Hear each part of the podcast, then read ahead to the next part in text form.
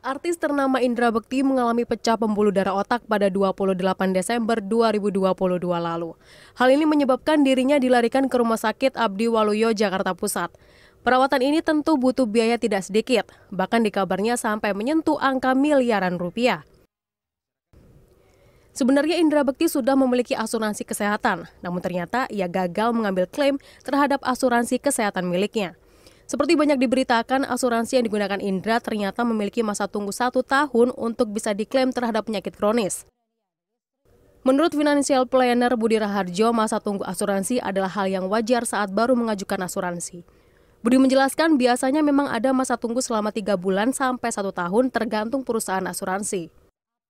Selain itu terdapat kemungkinan di mana pengguna asuransi tidak menjaga polisnya tetap aktif dengan cara melunasi pembayaran polis tepat waktu sehingga masa tunggu bisa terulang kembali walaupun pengguna asuransi bukanlah pengguna baru. Adalah ternyata masa tunggu ini bisa terjadi beberapa kali loh kalau ternyata orang tersebut tidak menjaga polisnya untuk tetap aktif. Itu mungkin ya gitu. Jadi misalnya gini, tahun pertama, tahun kedua, tahun ketiga, tahun keempat pembayarannya lancar Kemudian tahun kelima ternyata pembaca pembayaran sempat tidak lancar gitu ya, sehingga akhirnya polisnya sempat lapse tidak aktif. Kemudian diaktifkan kembali. Saat diaktifkan kembali itu bisa jadi polis asuransi tersebut akhirnya harus melampaui masa tunggu lagi. Untuk menghindari kejadian gagal klaim asuransi, Budi memberikan beberapa tips, di antaranya membeli asuransi saat keadaan sehat, serta menyesuaikan dengan kebutuhan dan kemampuan.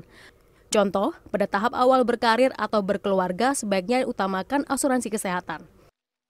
Kedua, pilihlah asuransi yang secara finansial sehat.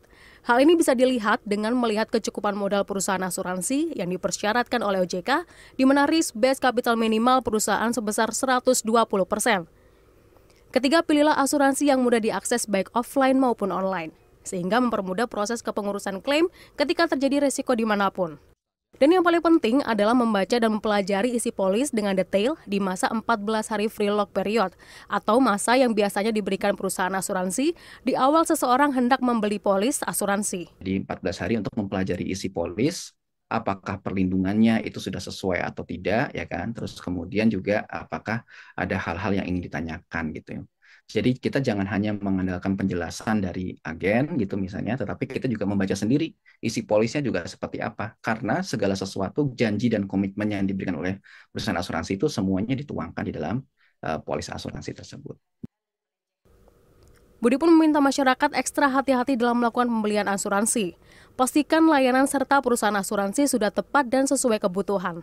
Jangan sampai asuransi yang seharusnya menjadi penyedia dana darurat justru tidak bisa diklaim saat dibutuhkan. Aulia Wardani, Yudhistira Satria, Jakarta.